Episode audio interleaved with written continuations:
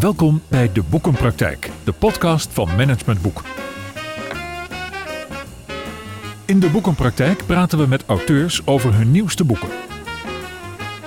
Boeken over organisatieontwikkeling, persoonlijke ontwikkeling en verandering.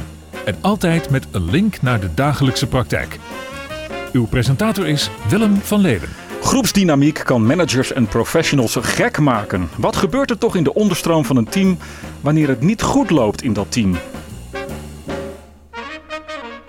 Op deze vraag willen Peter Kunneman en Paula Noordhausen een antwoord geven met hun nieuwe boek Leven het Team. Een boek wat een bepaalde methode behandelt, de zogenaamde Systems Centered Training. Een methode om teams effectiever te maken. Peter Kunneman, hij is organisatieadviseur. Hij begeleidt organisaties bij het oplossen van groepsdynamische vraagstukken. En hij is de gast in deze aflevering van de Boekenpraktijk. Welkom Peter. Dankjewel Willem. En, en je zei net even in een voorgesprek dat je al een soort carrière move gemaakt hebt van organisatieadviseur naar teamcoach? Of? Ja, dat klopt. Ik was uh, organisatieadviseur bij, uh, bij Accenture. Uh, heb daar heel veel geleerd en gedaan, veel gezien over ja. groepsdynamiek. En kwam toen een beetje bij toeval terecht in een in een opleidingsweek van Yvonne Akazarian, de vrouw die... Dat is de grondlegger van, van die methode waar ik het net over had, waar jullie dat boek over hebben geschreven. De zogenaamde, ik moet het wel even spieken, want het is een moeilijke naam, Systems Centered Training. Ja, Systems Centered Training, dat klopt. Um, en ja, in die week, uh, die week was zo indrukwekkend. eigenlijk kwamen alle vragen die ik over teams en groepsdynamiek had, om, om, had ontwikkeld in de loop der tijd die, daar, daar kwam ineens een uh, zicht op. Mm. Ineens ja. helderheid over. Ja. Dus toen heb ik radicaal het roer omgegooid en ben teamcoach geworden. En ben me gaan bekwamen in die methode, want dat vergt ook nog wel een behoorlijke inspanning. Ja, die methode dat, uh, is, uh, die is uitgebreid beschreven in dit boek. Hè? Ja. Uh, dat is, begreep ik ook een beetje de missie van jullie, hè? om die methode nou, naar Nederland te brengen middels dit boek, klopt ja, dat? naar Nederland en naar organisaties. Naar organisaties. Dus het is ook een boek om te gebruiken in organisaties? Absoluut. Een soort van werkboek? Of? Het is absoluut geen werkboek. Het, oh. is om, het vergt wel veel meer... Um, uh, praktijk om, om dit goed onder de knie te krijgen. Het ja. is eigenlijk bedoeld om een beeld te geven van wat je kunt doen met groepsdynamiek. Hoe je, er, hoe je de stap kunt maken van slachtoffer zijn van groepsdynamiek, wat veel teams zijn, naar uh, ja, surfen op de, op de groepsdynamiek. Want Ah, dat is, dat is wat, het beeld wat wij voor ogen hebben. Nu begrijp ik ook die, die subtitel, groepsdynamiek van boosdoener naar bondgenoot. Dus hoe je de groep, groepsdynamiek kunt gebruiken als bondgenoot om effectief samen te werken. Is dat wat je zegt? Dat is hem. Ja, want jij bent dan uh, gelicentieerd uh, SCT, practitioner zoals dat zo mooi heet. Practitioner, ja. Practitioner, ja, Ja. dankjewel. Um, wat houdt dat in? Ja, het houdt in dat ik uh, de, de merknaam SCT kan gebruiken in mijn werk. Dat Mm. is eigenlijk wat het uiteindelijk in, inhoudt. Om dat te worden, dat is een opleiding van een, een jaar of acht. Ja, nou laten we dan gelijk maar eens even dat SCT induiken. Want in het boek hebben jullie het uh, zo gedaan dat jullie hebben er gewoon een, een, een fictief verhaal over een, een team, wat een, een tenderteam, hè, wat een bepaalde Ja. aanbesteding wil winnen. Dus wat een winnend team wil zijn met elkaar. Die door allerlei eh, nou ja, uh, teamfasen gaan met elkaar om, om die tender uiteindelijk uh, te winnen.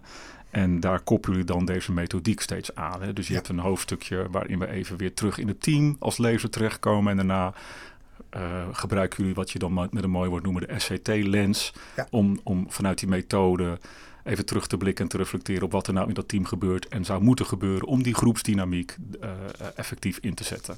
Ja. Zeg ik het zo goed? Zo hebben we het opgebouwd. Ja. Nou, wat is dat voor een methode? Dat, dat is een methode die bouwt voort op, op wat we noemen levende menselijke systemen. En dat is voor een luisteraar denk ik al heel moeilijk. Voor mij ook. Dus Ja. uh, ik gebruik maar even de luisteraar hè, als ik het zelf niet snap. Ja, ja. kan je daar iets over zeggen?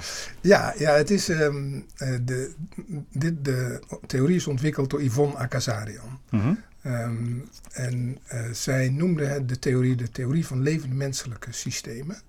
Omdat zij uh, uh, kijkt naar individuen en groepen als systemen. Mhm. En een kenmerk van haar theorie is dat ze dezelfde kenmerken hebben, individuen en groepen. En dat, heeft, dat is heel baanbrekend. Ja. Er is niemand voor haar die die samenhang gezien heeft. Nee.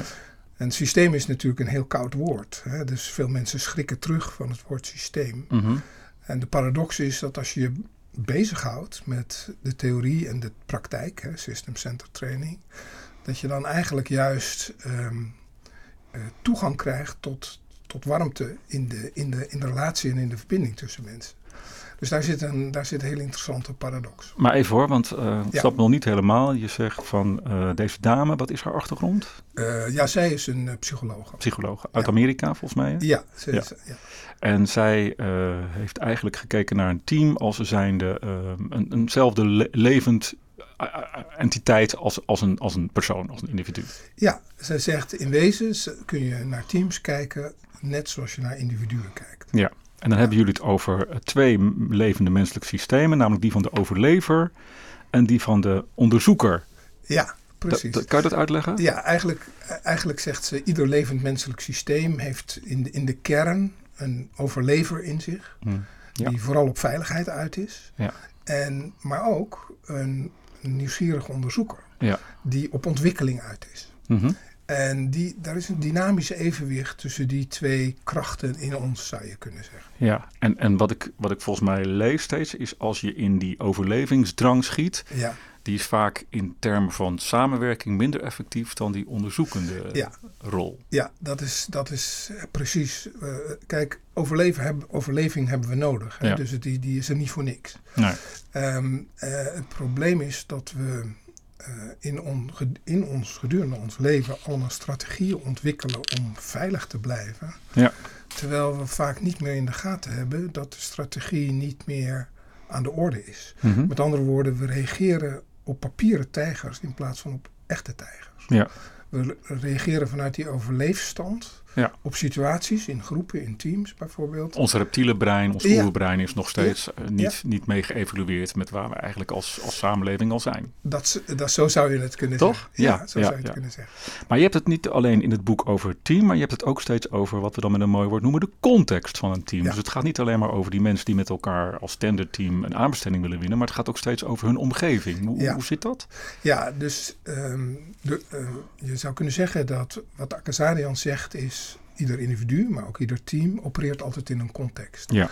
En dat is ook weer een levend menselijk systeem. hè, Hmm. Vanuit, vanuit de, de, de visie van Akazarian. Ja. En eh, je oriënteert je op die ruimere context. Hm. Eh, en als je dat... eh, nou, als je Dat dat moet je even uitleggen hoor. Ja. Je oriënteert je op die ruimere context. Je gebruikt ook de term met open en gesloten grenzen. Misschien ga ik een beetje snel hoor, maar... Nee, hebben maar een half ja, uur. Dus, dus laten we zo zeggen, hè, we, hebben, we hebben dat tenderteam. Mhm. En dat tenderteam opereert niet in het luchtledige. Dat Nee. heeft een, is de tenderautoriteit die de tender uitschrijft waar ze mee te maken hebben. Dat is de ruimere context. Maar Ja. je kunt ook zeggen, ja, maar er zijn ook eh, opdrachtgevers voor dat tenderteam. Dat is ook een ruimere context. Dus Ja. je hebt altijd ruimere contexten die in feite je doelen bepalen. Ja, in een, in een organisatie zou dat ook bijvoorbeeld de, de strategische top kunnen zijn. De Zo is directie dat. of de leidinggevende van de leidinggevende Ja, kunnen zijn. absoluut. Maar ook de klant en de stakeholders. Zo, ja, zo is het. Dat zijn allemaal contexten waar Ja. je rekening mee houdt. Ja. En die je ook weer kunt zien als levende menselijke systemen. Dus je krijgt eigenlijk Russische poppetjes. Ja, dus ja. Het, het- de systemen nesten in elkaar. Ja, ja, ja. En, en hoe werkt dat dan met die open en gesloten grenzen? Ja, dus ehm, eh, je zou kunnen zeggen, je had het net over die overlever in ons en die, Mhm. en die onderzoeker. De overlever in ons die eh, reageert op een verschil, een te groot verschil, door de grenzen te sluiten. En omdat individuen en groepen van dezelfde makelij zijn, om het zo te zeggen, volgens mm eh, zie je dat dus ook bij teams. Ja. Dus teams die sluiten hun grenzen als het verschil wat eh, binnenkomt Mhm. te groot is. Ja, en, en je, eh, je sluit je grenzen. Ik zeg wel eens de luiken gaan dicht. Bedoelt dat dat je dan, dat je dan ehm, naar binnen gaat keren? Of? Ja, dat kan op veel verschillende manieren. Hè. Mhm. Dat kan zijn, eh, een, een, een, team sluit zijn grenzen bijvoorbeeld door eerst het verschil te negeren, Mhm. dan het eh, verschil te bestrijden en vervolgens het verschil eruit te kicken. Heb je daar een voorbeeld van? Ja. Misschien ook in relatie tot dat tenderteam? Of? Ja, zeker. Hè. Bijvoorbeeld stel, er komt iemand, een, een nieuw iemand in een team. En dus een nieuw iemand is een groot verschil. En de, stel dat die persoon een heel afwijkend idee heeft over hoe je zo'n tender moet winnen. Ja. Uh, dat gaat dan tegen de norm van het team op dat moment in. Ja. En in plaats van te onderzoeken wat nou de informatie is die die persoon heeft, zodat je dat kunt gebruiken, zal een, een, team, zeker afhankelijk van de ontwikkelingsfase, zal uh, eerst proberen de, de, nieuwe informatie te negeren. Past niet bij onze norm. Past niet bij onze norm. Ja. Dan gaat er gevochten worden, gestreden worden om, om, om om te. En als dat verschil niet, als dat verschil blijft, als ja. dat verschil zich blijft manifesteren, uh -huh. dan wordt het eruit uitgegooid. Oké, okay, oké. Okay. Nou, dat is wel misschien een mooi brugje in onze eerste stelling, Peter. Ben je er klaar voor? Ik ben er klaar voor. Komt-ie. Onze eerste stelling luidt namelijk als volgt. Conflicten en dus emoties van boosheid uiten zijn nuttig in teams. Ja. Eens. Eens. Wij noteren eens. Ja. Maar ik hoor een kleine maar. Ja, nou kijk, um, uh, conflicten en vechtenergie is, een, is in feite een, een taboe in veel teams. Ja, hè? Het, mag, het, Sowieso het moet harmonieus, ja, ja, überhaupt in de maatschappij. Het moet harmonieus zijn, en moet allemaal goed met elkaar door een deur kunnen. En zodra er conflict is, uh, gaat iedereen op tilt. Ja. En dan, en dat is een groot verschil eigenlijk, dus er moet iets mee gebeuren. Hè? Dat is, Ja. dus, um, Hij heeft ermee te maken dat A, conflicten zijn eng. Hè? Dus het, Ja, het, het, het geeft zeker. spanning op de Zeker. relatie en we willen graag vriendjes blijven. zo is het. En aan de andere kant denk ik, conflicten heeft ook iets asociaals, want je wordt gewoon boos en geïrriteerd. Ja, precies. Ehm, dus dat, dat, dat klopt allebei. Mhm. En ehm, waar, waar, waar we in met SCT onderscheid tussen maken is of je vechtenergie, want daar gaat het om, hè, hebben vechtenergie, onze, onze vechtimpuls wordt Ja. getriggerd. Of je die uitleeft in een groep.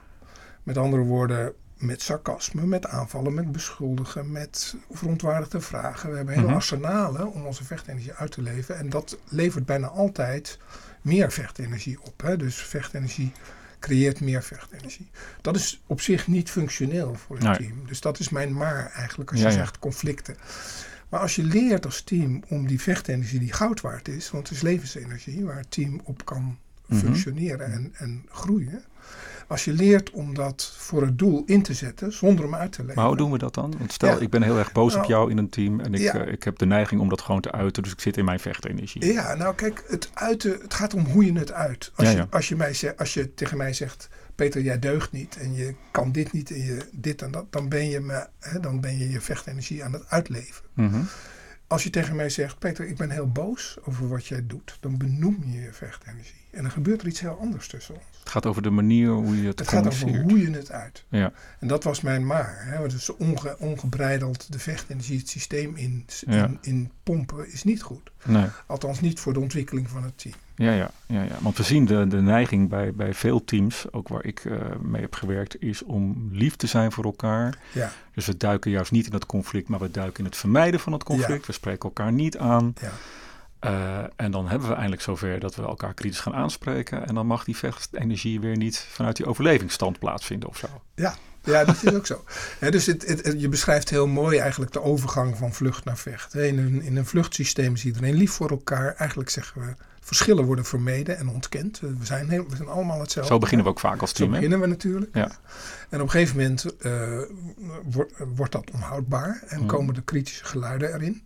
En dat is eigenlijk het punt waarop het team moet leren, de vaardigheid moet leren om eh, vechtenergie te benoemen in plaats van uit te leven. En dat is hartstikke lastig. Ja, Want het is een heel, heel kort weggetje in ons brein om vechtenergie uit te leven. Dat kan ook naar binnen zijn overigens. Hè. We hebben net voorbeelden genoemd van naar binnen, wat bedoel je naar binnen? vecht. Ja, naar binnen bedoel ik, we noemen dat een boemerang.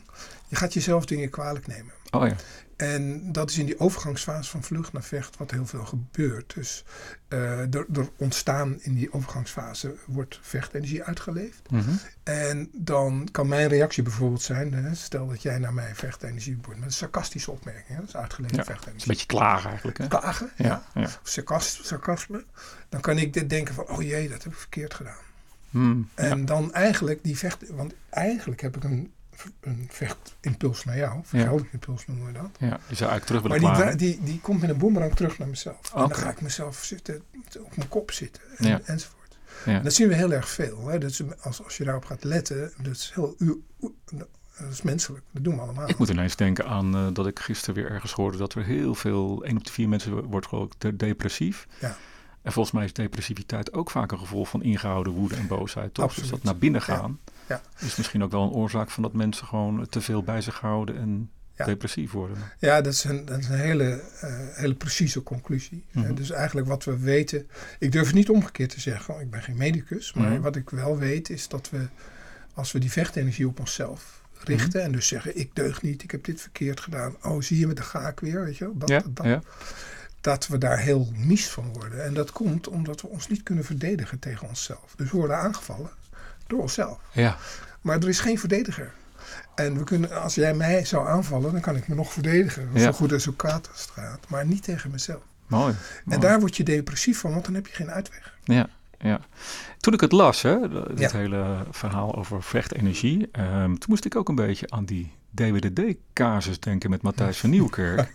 ja, dat is natuurlijk toch een beetje actueel nog wel. Ja.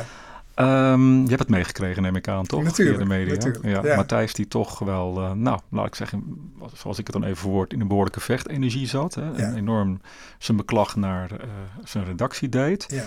En uh, dat, dat leverde veel onveiligheid op bij mensen. Wat, wat zou er nou, als je, als je dit, dit even loslaat op, op die casus, wat zou er nou vanuit die context of, of wat zou er vanuit Matthijs anders of beter moeten?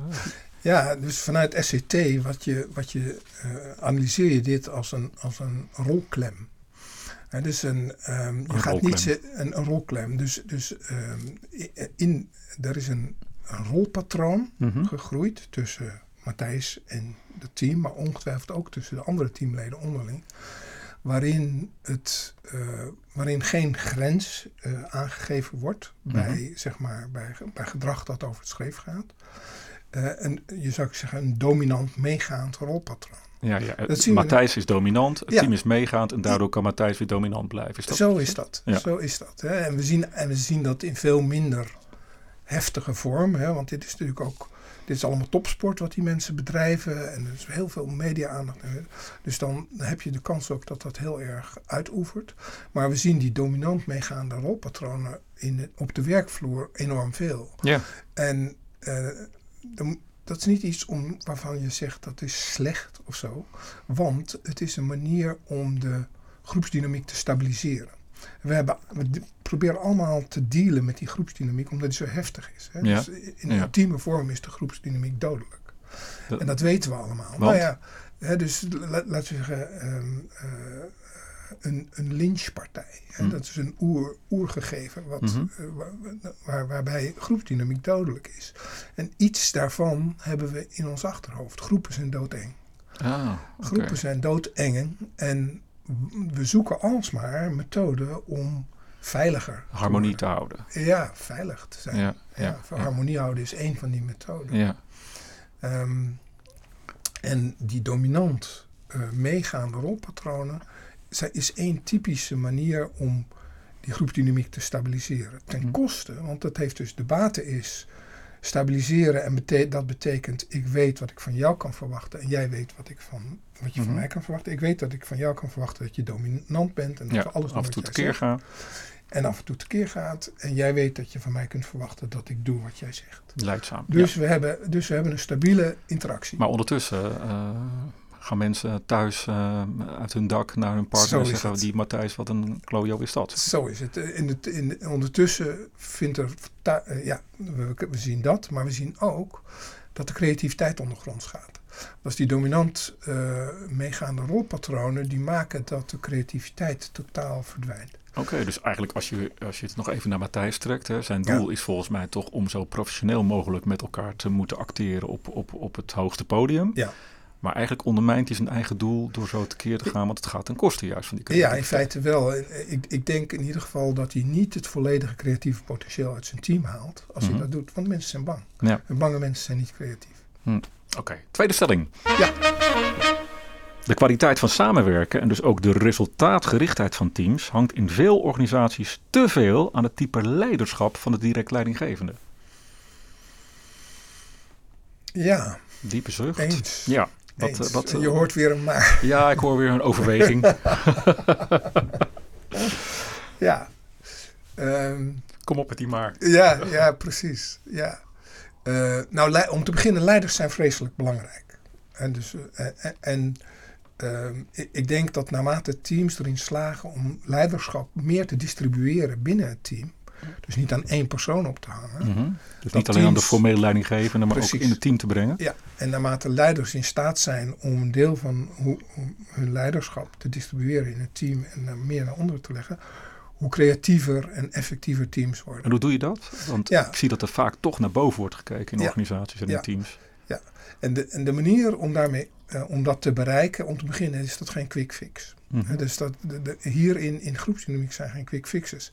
Maar uh, met, met je team, inclusief je leider, uh, te gaan observeren en trainen, systematisch belemmerende krachten ontdoen in de fase van ontwikkeling. Wat zijn belemmerende krachten? Ja, dus um, dat heeft Akazarian geleend van Kurt Lewin. Die zei een, een, een systeem beweegt naar een doel. En mm -hmm. is altijd een dynamisch evenwicht tussen wat het systeem helpt, mm -hmm. de bevorderende krachten, en wat het systeem belemmert. Ja. En Lewin die experimenteerde daarmee. En die maakte krachtenvelden. Dat gebruiken wij heel erg veel in ons werk. En die zei, ja, dan kun je natuurlijk die bevorderende krachten versterken. Mm -hmm. Of je kunt de belemmerende krachten verzwakken of een combinatie. Heb je een voorbeeld van zo'n belemmerende kracht? Ja, um, uh, een belemmerende kracht kan zijn dat uh, niemand, niemand komt op tijd. Geen enkele oh ja. vergadering uh, ja. begint op tijd. En je of, kunt dus met je team even inventariseren, jongens, wat zijn onze belemmerende krachten? Ja, dat doe je. Hè, dus een andere, een andere is dat mensen enorm veel, enorm redundant zijn steeds maar weer dezelfde verhalen vertellen. Oh. Of dat er enorm veel vaagheid is ja. In een systeem. Ja. Of dat er de hele tijd op aannames uh, geacteerd wordt. Hè? Dus uh, oké, okay, Willem, jij denkt dat ik dit niet helemaal goed weet. Hoe, uh, weet je, dat, dat soort gedachten. Vraagt al een behoorlijke reflectie om dat op tafel zeker. te krijgen natuurlijk. Nee, zeker. En dus eigenlijk dat woord reflectie vind ik ook wel een heel mooi woord. Um, een team ontwikkelt pas als het zelfreflecterend vermogen krijgt. Net als wij als individuen. Ja. Daar zit en, ook alweer een parallel in die levenssystemen natuurlijk. Maar toch even terug naar die belemmerende kracht. Ja. Dus nou, zo'n uh, iedereen komt, of veel mensen komen te laat. Ik heb een ja. keer een team in Brabant begeleid en er uh, werd gemopperd, maar dat werd weggezet als het Brabantse kwartiertje. Precies. Uh, maar ondertussen merk je gewoon dat de mensen die wel op tijd waren, die ergeren zich aan de mensen die niet op tijd kwamen. Dus dat is zo'n belemmerende kracht. En, en dan? Dat inventariseer je dan en dan, dan zegt Lubin en dan zegt ook, ik ben even de naam kwijt van de Akazarian. Akazarian, mooie naam, maar wel moeilijk om te onthouden. Die zegt, je moet die belemmerende krachten ja. aanpakken. Ja, dus wat eigenlijk, hè, dus een team analyseert zelf dat, dat te laat komen een belemmerende kracht is. En dan is eigenlijk de opgave van het team, wat gaan we eraan doen? Uh, gaan, we, uh, gaan we elkaar erop aanspreken bijvoorbeeld? Uh, gaan we ons committen om mm -hmm. op tijd te komen? En wat doen we als. Hè? Dus de, de, waar het eigenlijk om gaat, is dat je als team verantwoordelijkheid neemt. voor dit soort verschijnselen, die meestal gewoon onbesproken blijven, maar wel. Uh, via allemaal steken onder water en ergernissen, ja, in die uitgeleefde vechtenergie. Ja. Hè? Dat, maar daar zit daar dan ook niet weer de invloed van, dan kom ik toch weer even terug op die ja. leidinggevende. Als die leidinggevende dat laat lopen, dus mensen komen te zeker, laat, zeker. We, we, we, kijken naar de leidinggevende, we vinden ook eigenlijk dat die als eerste uh, mijn collega moet aanspreken. Als die het niet doet, ga ik het ook niet doen. Dat is een beetje een ongeschreven regel. Ja. En dan zeg je eigenlijk, je moet het in het team terugbrengen. Klopt dat? Ja, het is als, hè, dus als het team zelf overtuigd is van die norm, is het Ja. niet meer afhankelijk van de leider om, dat, om steeds de politieman te spelen. Hè? Want als je naar de, de leider kijkt om dat te corrigeren, dan vraag je eigenlijk aan de leider om de politieman te zijn. Ja. Geen fijne positie als leider. Nee. En ook niet voor het team. Nee, oké. Um, een belangrijke uh, methodiek binnen SCT, hè, binnen die, die methode die jullie dus naar Nederland brengen met dit boek, noemen jullie functioneel subgroepen. Toen ik het las, kreeg ik een beetje pukkeltjes. Want ik dacht, oh, dat is wel een bepaalde vaardigheid die Ja. wel heel veel discipline vraagt van Ja. mensen. Maar laten we eerst even uitleggen, Ja, wat is functioneel subgroepen? ja dankjewel voor de, voor de vraag. Ehm eh, functioneel subgroepen is een interactiemethode die, eh, die Yvonne Akazarian ontwikkeld heeft. eh, om groeps te helpen te ontwikkelen. Mhm. Eigenlijk om dieper te gaan, om in die, dieper in die onderstroom terecht te komen. het heeft een heel beperkte set spelregels. Op zich een eenvoudige set spelregels. Uh, stel, we zitten in een, in een team uh, ik, uh, en we spreken af, we gaan functioneel subgroepen, want dat is iets wat je niet doorlopend doet. Hè. Nee. Nu gaan we functioneel subgroep. Echt een manier van met elkaar praten is het, ja, hè? Ja, heeft een doel. Um, dan begin, begin, ik met iets te zeggen, zo kort mogelijk. En dan sluit ik af met iemand anders, want dan weet iedereen dat ik klaar ben. En dan, dan onderzoekt de groep dus ik zeg bijvoorbeeld, laat het even toepassen. ik zeg bijvoorbeeld, goh, um, ik heb in dit boek uh, met name geleerd, um, um, beste Peter, dat jullie boek dus Leven het Team, dat een, een, team ook een levenssysteem is en dat, dat, dus een, dat je dat als een soort individu kan zien. En dan moet, moet, ik eindigen met iemand anders. Ja, oké. Okay, dus, dus Willem, jij hebt vooral uit het boek geleerd dat een team een levenssysteem is. Klopt, ja. ja. Dat moet ik er nog even beamen ook. Ja, ja dat, Is, dat is handig. Ja. En eigenlijk wat ik dus doe, is de essentie van wat jij zegt samenvatten. Ja. En wat dan het effect daarvan is dat jij weet dat je gehoord en begrepen bent. Ja. Ik kan ook tegen je zeggen, ik heb je gehoord Willem. Maar dan denk je, ja dat zal wel. Ja. dus dat, dat, dat, werkt niet. Maar je, ik kan je echt alleen maar samenvatten als ik echt weet wat jij gezegd hebt. Ja. Met andere woorden, we zijn niet naar de, alleen maar naar elkaar aan het zenden. Maar we zijn aan het luisteren naar de ander. Ja. En wat we in functioneel subgroepen doen, is dus dat iedere statement van iemand door een van de anderen uh, wordt samengevat, of mhm. geparafraseerd eigenlijk. Ja. En dan bouwt, uh, zou ik op jou kunnen voortbouwen. Ja, en dus uh, teams zijn levende menselijke systemen en die kun je dus ook als zodanig voelen. Ja. En daar als zodanig mee omgaan. En dat voortbouwen moet wel, zelfs als je het niet eens bent met mij? Ja, dat is dan de volgende stap. Hè. Dus je bouwt voort en op een gegeven moment ontstaat er het verschil. Mm um, en het verschil is bijvoorbeeld dat ik het niet, een van ons het niet eens is met elkaar, of dat je het over iets anders wilt hebben, of wat dan ook. Dat noemen we het verschil. Uh, normaal, in een normaal MT, of wat dan ook voor een vergadering, als er een verschil in komt, dan krijgen we een ja maar. Ja. Ja, zegt dit wel Willem? Ja, maar ik ben het er niet mee eens. Of het zit heel anders. Of... Blijf bij de microfoon, ja. Ja, sorry. Dus, ja. dus um, uh, en het effect van en is Chinees voor nee, zeg ik altijd. Ja, ja. zo is het. En wat het effect van een Yamaar is vanuit, vanuit de menselijke, le levensmenselijke systeemtheorie, is dat de, de grenzen sluiten. Hm. Uh, dus um, jouw grenzen sluiten. Ja. En uh, bijna altijd komt er dan een Yamaar van jou. Dus ik luister eigenlijk niet meer. Je luistert niet meer. Nee. Want, je, want je denkt, hé, hey, ik word afgewezen. Ja. En in deze, met functioneel subgroepen, zullen grenzen nooit sluiten. Dus wil je, hou, je, hou je de grenzen open. Maar dit is wel een, een methode, daar komt mijn maar, ja, hoor je zeker. Ja. ja, heel goed. ja. Dit is wel een methode die, die vraagt best wel wat discipline. Want dit zijn we natuurlijk helemaal niet gewend. We zijn heel erg lekker vanuit onze eigen stoel onze eigen mening te geven. Dus Zo jij zegt iets, ik ben het er niet mee eens. En man, dan kom ik bij mijn eigen mening. Ja. En dat, daar heb je heel Heb je ook echt teams waar dit lukt? Al? Ja, zeker. zeker. En dus jij zegt, dit vergt heel veel discipline. En, uh, uh, en dat is zo. Ja. Um, nu parafraseer jij mij weer, man. Ja, dat is... We zijn lekker bezig. Ja, ja, ja. Nou, het, het, het is heel erg waar wat je zegt. Hè. Dus voor ons is het, uh, um, als wij met organisaties werken, is het, uh, het, laten we zeggen, het overhalen van het team om met deze methode te gaan experimenteren, is een van de moeilijkste dingen. Ja. Um, is dat gewoon een kwestie van discipline steeds doen, ja, doen, doen, van bewust onbekwaam ja, naar bewust bekwaam? Ja, kijk, het, het, gaat, het gaat pas eigen worden als een team gaat zien, hé, hey, maar dit levert echt wat op. Ja. Dit, dit betekent dat we veel dieper kunnen gaan, dat we veel meer naar de basis kunnen, naar waar het om gaat. En zodra een team dat ziet, gaat het vanzelf doen. En dan heb je ook geen begeleiding meer nodig. Nee. Dus, dus een aantal van de teams waar ik mee gewerkt heb. Wat daar een beetje onder zit wel, ja. is dat we natuurlijk ook allemaal wat van elkaar vinden. Dus we kunnen ook niet objectief luisteren. Want um, stel dat ik al een tijdje met jou samenwerk in ja. een team en ik vind jou, nou, even een eikeltje, plat ja. gezegd. Dan luister ik sowieso nog selectiever. Dan god, zeker. Peter weer met zijn... Ja, ja zeker. ja.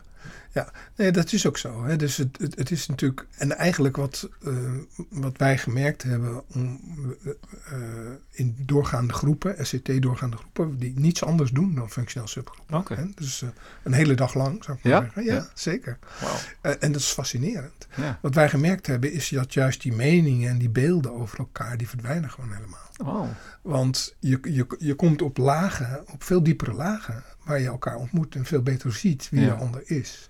Die meningen zijn, maar, zijn ook maar defensies. Hè? Ja. zijn ook maar snelle, snelle beelden die je op basis van Moeten wij niet in de, in de Tweede Kamer in een politiek debat gaan functioneel subgroepen? Dat lijkt me fantastisch. Ja, Ja, dat lijkt me fantastisch. want het leidt eigenlijk tot een verdieping eh, Ja. en ook tot een samenwerking in plaats van een polarisatie. Is Ja. dat wat ik je wil zeggen? Dat is heel erg, heel erg het geval.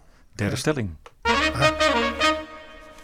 Echt samenwerken, waardoor synergie wordt bereikt, 1 plus 1 is 3, is een utopie. Omdat ons ego altijd voorrang wil geven aan ons eigen belang. Niet mee eens. Kijk, dit was wel stellig. Dat is ging ook helemaal naar voren zitten. Niet mee eens. Ja. Ja, ik zou, ik, ik zou deze stelling misschien eh, tien jaar of twaalf jaar geleden, voordat ik met SCT eh, kennis maakte, zou ik daar ja op gezegd hebben. Oké, en wat maakt, eh, even heel kort, dat je daar nu echt anders naar kijkt? Omdat ik zoveel, eh, zo vaak en zoveel gezien heb dat, ehm, dat je het anders kunt aanpakken. Ja, ja, En, en dat het ego ehm, eh, kleiner wordt, ja. ehm, onbelangrijker. Ja. Eh, het is niet weg. Toch Maar- even naar dat ego. Ja, hè? Ik ja. kom het ook best wel tegen bij hoger opgeleide mensen. Dat je, Zeker. dat je teams ziet met veel autonome professionals. De KLW heeft daar ook al eens een keer iets over geschreven, meen ik me te herinneren. Mhm. En die eh, werken dan allemaal een beetje op hun eigen postzegel. Want ik wil autonoom zijn Ja. en ik weet heel goed, ik ben deskundig op dat gebied. Ik ben niet voor niks manager Ja. van die afdeling, et cetera, et cetera. En die zoeken dan in zo'n team, bijvoorbeeld in zo'n MT-staf, de integraliteit niet op. Hoe kan je nou eh, eh, zo'n team meer synergetisch laten samenwerken vanuit die SCT? Is dat dan functioneel subgroepen? Nou, dat is één van de methoden waar je mee werkt. sport, hè? Ja. subgroepen. Nou, dat is, maar functioneel subgroep is één van de methoden waar je mee werkt. Ja. Om te zorgen dat een team elkaar eh, de- gaat ervaren hoe het is om met open grenzen te communiceren. In plaats van met die gesloten grenzen. Ja, Maar eh, vanuit SCT werk je ook heel erg aan de hand van de fase van teamontwikkeling. En dat wil zeggen dat je per fase kijkt van wat zijn nou hier de belemmerende, typische belemmerende krachten. Wat is Mhm. typisch belemmerend in vlucht? Wat is typisch belemmerend in vecht? Wat in de overgangsfase? Wat in de rolklemmen met gelijken? Wat in de rolklemmen met de leiders? dit zijn allemaal, al die termen die je nu noemt, Ja, vecht, dat zijn fase, allemaal fasen. allemaal fasen. Ja, ja. En, dit, en, en iedere fase en subfase heeft zijn eigen typische bevorderende en be- belemmerende krachten. En, eh, eh, En zeg jij dan, ehm, ehm, kijk goed in welke fase Ja. we nu als team zitten en kijk goed welke, en haal op welke belemmerende, Ja. ehm, bevorderende krachten dat we daar het. nu in tegenkomen. Dat is het. En ga die belemmerende krachten vervolgens, Systematisch, met z'n allen. oh, beginnen we nog een beetje thuis in te raken. Ja, ja, nou. Jij hebt eh, toen je binnenkwam zei, je, en ik vroeg aan jou, ken je de boekenpraktijk? Zei je, ja, ik heb de vorige aflevering beluisterd. Ja, zeker. Eh, dat was eh, met het eh, illustere duo Hans van der Loo en Patrick Davidson... Naar aanleiding van hun boek Teaming. Ja. En eh, teaming, dat is een methode om snel, soepel en in wisselende samenstellingen je doel te behalen. Soms met mensen die je nauwelijks kent. Hè. Dat Ja. gaat over pop-up teams. Ja, Zij beweren ook, eh, je, je werkt soms wel in acht teams tegelijk. Als je daar nou SCT op loslaat, Mhm. werkt dat ook in zo'n pop-up team? Ehm, nou ja, het, werkt, het zal zeker ook werken in een pop-up team. Mijn aarzeling is dat eh, om een team echt op echt goed samenwerkend te krijgen, heb je tijd nodig. Mhm. Die pop- pop-up teams zijn heel aantrekkelijk, omdat ze hè, de, die wisselende samenstellingen eh, maakt ook dat je mensen leert om soepeler met verschillen om te gaan. Want anders kun je niet, hè, je kunt niet van het ene team naar het andere hoppen als je niet een Ja. beetje. Dus dat is zeker een voordeel. Maar echte, eh, echte goede samenwerking vereist tijd en aandacht. En zij zeggen juist, het duurt vaak te lang bij die normale tussen aanhalingstekens Ja. teams. Hè? Dus eh, het feit dat we over een x-periode pas een resultaat hoeven te bereiken, zorgt ervoor dat mensen toch te veel hun eigen werk weer gaan doen, onzichtbaar worden. Dus dan krijg je Ja. die onderstroom. Nou ja, kijk, als je als, je met, eh, als je als team heel consequent aandacht schenkt aan het teamingproces, aan Mhm. het teamproces, dan eh, lukt het niet om onzichtbaar te blijven. Dat, is, dat, is echt, eh, dat is echt ondenkbaar. En waar dat ook op gericht is, is op verantwoordelijkheid nemen voor dat gehele team. Hè. Eigenlijk wat je, wat je mensen wilt leren, is dat ze zien dat dat team ook een levend menselijk wezen is, dat je aandacht nodig heeft, dat je zorg nodig heeft. Tot het punt dat mensen dat zo belangrijk vinden dat het meer om het team gaat dan om zichzelf. Ja. En dat is natuurlijk waar je uiteindelijk zou, zou willen komen. Of in ieder geval dat het team net zo belangrijk is als jijzelf. Hè. We Als ik het even vertaal Ja. nu naar de sport. Hè. We zitten midden in het WK voetbal. Ik zie Mooi. nog wel eens voetbalteams waar de spits vooral heel erg hard juicht. Omdat hij zelf een doelpunt heeft gemaakt. Dus het ego is dan weer leidend met een is en het. lange ei. Ja. Jij zegt eigenlijk dat vraagt veel meer dat, dat, dat zo'n speler zich meer in dienst gaat stellen van het team of het team belangrijker vindt. Ja, Hoe doe je dat? Ik zou zeggen net zo belangrijk. Hè? Hm. Want de, de, energie die in, eh, in, in, die, in dat blij zijn met jezelf zit, die, die is ook heel oer. Ja, die, en die, die moeten we niet eh, Nee. als slecht wegzetten. Hè? Dat is geen moralisme. Maar eh, eh, er moet een, een goede balans zijn. En eigenlijk moet je ze allebei belangrijk zien, vinden en allebei voor ogen hebben. En hoe doe je dat? Hoe maak je van zo'n oerkracht, van zo'n Einzelganger in zo'n team toch meer een teamplayer? Ja, door het, hem en het team uh, systematisch de vaardigheid te leren om de, eigen, uh, om de eigen fase van ontwikkeling te zien. De belemmerende krachten daarin te leren ontdoen, want die zijn heel kenmerkend. Dus je kunt ze allemaal leren ontdoen als team. En dan beweeg je vanzelf voort. Dat is bijna magisch. Oké. Nou, tot slot. We zijn een beetje aan het eind gekomen van deze podcast. Interessant gesprek trouwens, interessant boek ook. Ik, ik kende het helemaal niet, dat SCT. Dus het is echt een hele mooie methodiek. Dat, dat wil ik je echt wel nageven. Dankjewel. En welk bekend team of welke bekende teamleider gun jij dit boek? um, hmm. Hmm. Ja, mooie vraag. Um, dus je vraagt naar een team, hè? Een, een, een team. Nou ja, je, je, je, kijkt wel eens om je heen en je ziet vast wel eens teams, of dat nou in de media is, of in de sport, of in de kunst, of in de muziek, dat je zegt van, uh, nou, dit is echt, dit kan toch wel beter. Oh, oh zo bedoel je hem. Hè? Je bedoelt hem eigenlijk welk, uh, gun je het? Bedoel Deze je... SCT ontwikkel stappen. ja, ja, ja. Deze methodiek. Oké, oké, oké. Ja, ja. Welk team functioneert nou echt zo beroerd dat je... dat ja. wil ik eigenlijk horen van ja, je. Ja, ja, ja, ja, ja, ja. ja. Hmm. Ja, het is een, het is een vraag die, uh, waar ik een beetje op blokkeer. Mm. Um, wat ik eigenlijk. Um, en, en, de reden is denk ik dat ik uh, niet wil, ons, ons leuke gesprek wil afsluiten met een sneer naar een team dat het oh, niet goed doet. Snap ik. Ja, ja. Dat vind ik wel een mooi antwoord. Ja, ja. daar doe ik het mee. Oké, okay, dankjewel. dankjewel, Peter ja. Kunneman. Hij is de gast in deze aflevering van de Boekenpraktijk. Naar aanleiding dus van het interessante boek Leven het Team. Dankzij het boek en ook dankzij dit gesprek ben ik veel meer te weten gekomen over de toegevoegde waarde van deze methodiek, de SCT, de Systems Centered Training. Ik verwijs jou als luisteraar van deze podcast heel graag naar de volgende aflevering van de Boekenpraktijk. Die is over twee weken weer natuurlijk op alle grote podcastkanalen te vinden. Rest mij hartelijk te danken voor het beluisteren van deze podcastaflevering. Heb je vragen, opmerkingen, suggesties, belemmerende of bevorderende krachten? Mail het dan naar info.managementboek.nl Tot zover de praktijk van boeken. Kijk voor meer afleveringen of een abonnement op de boekenpraktijk op managementboek.nl/slash podcast. Je vindt ons ook op Spotify, Apple Podcast, Google Podcast en Soundcloud. Hartelijk dank voor het luisteren en graag tot de volgende podcast.